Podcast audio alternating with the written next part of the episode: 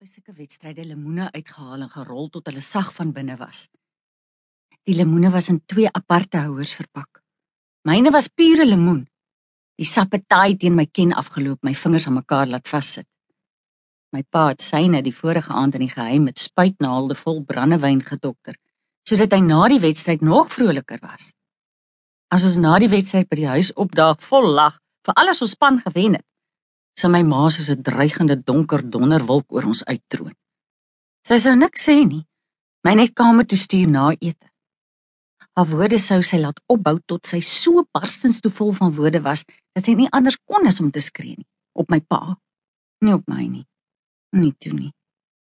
Terwyl ek in my bed opgekrul lê, toegerol in my kombers om die snerpende koue af te weer, het woorde, frases deur die mure gesyfer. Kan jy Kan jy nie meer verantwoordelik wees nie? Hoe bang dink jy is hy as jy so lyk? Kan gooi. Ongeluk. Jy's veronderstel om die pa te wees, iemand na wie sy kan opkyk. Aan en aan tot ek van skone uitputting aan die slaap raak. Wat my altyd sal bybly, is dat ek nooit my pa se stem gehoor het nie. Asof hy nie daar was nie. Asof hy homself toe al onttrek het. Een Sondagoggend na kerk het ek die moed bymekaar geskraap om met my ma te praat. Mamma, pappa kyk mooi na my as ons gaan rugby kyk. Ek is nie bang nie. Anna.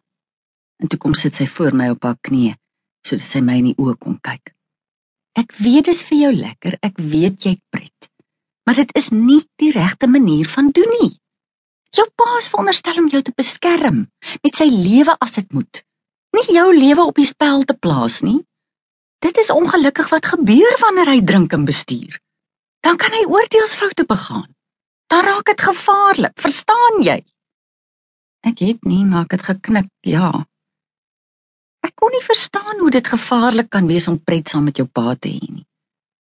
Ek is na daardie dag verbied om saam met my pa te gaan rugby kyk. Ek moes op die stoep staan en vir hom waai terwyl hy wegry. Die Saterdag na my ma met my pa geraas het omdat hy drink en bestuur, het ek en hy gaan visvang. Ek weet nie hoe my pa my ma ooreed het dat ek saam met hom kon gaan nie, maar die keer het sy niks gesê. My net styf teen haar gedruk voor ek in die kar geklim het. Ons het nooit by die see vis gevang nie, al was dit naby genoeg. Terof, het hy gesê. Ek is 'n gebore Vrystaater. Ons vang vis, ons hengel nie, en definitief nie in die see nie. Daarom was ons daardie dag langs die dam. Was nie 'n groot dam nie, net groot genoeg vir visvang.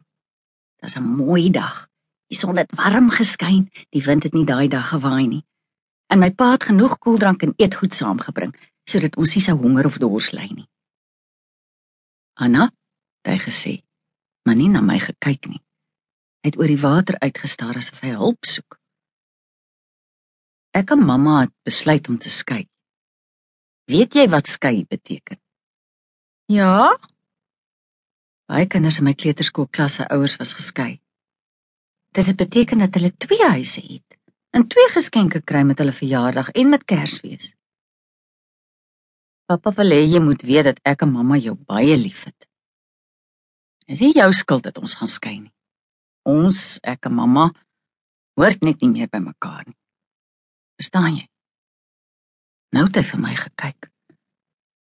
Dis jammer Anna dat ek dit aan jou doen. Die trane het in sy oë begin wys. Ek het sy hand vasgehou, dit 'n drukkie gegee. So right pappa. Van die egskeiding self onthou ek nie veel nie. Net dat my kat dieselfde dag doodgery is en dat my pa my daarvan kom sê het net voor ons verhuis het. My hart was gebreek. Maar die kat Maar die egskeiding? Dit weet ek nie. Ek weet net dat my hart nog altyd wil breek as ek aan daai dag dink. Na die egskeiding het ek in my ma se stad toe getrek. By die see. My pa het 'n verplasing aangevra en ook in die stad kom bly. Hy het vir my huis naby die see gehuur.